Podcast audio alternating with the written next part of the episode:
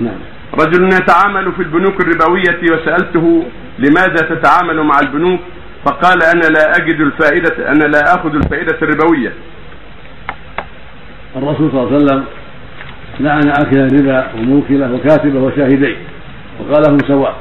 فالتعاون مع من يأكل الربا ويعامل في الربا تعاون لا يجوز لأن الله قال ولا تعاونوا على الإثم والعدوان فليس للمؤمن ان يتعاون مع من يتعاطى الربا في المعاملات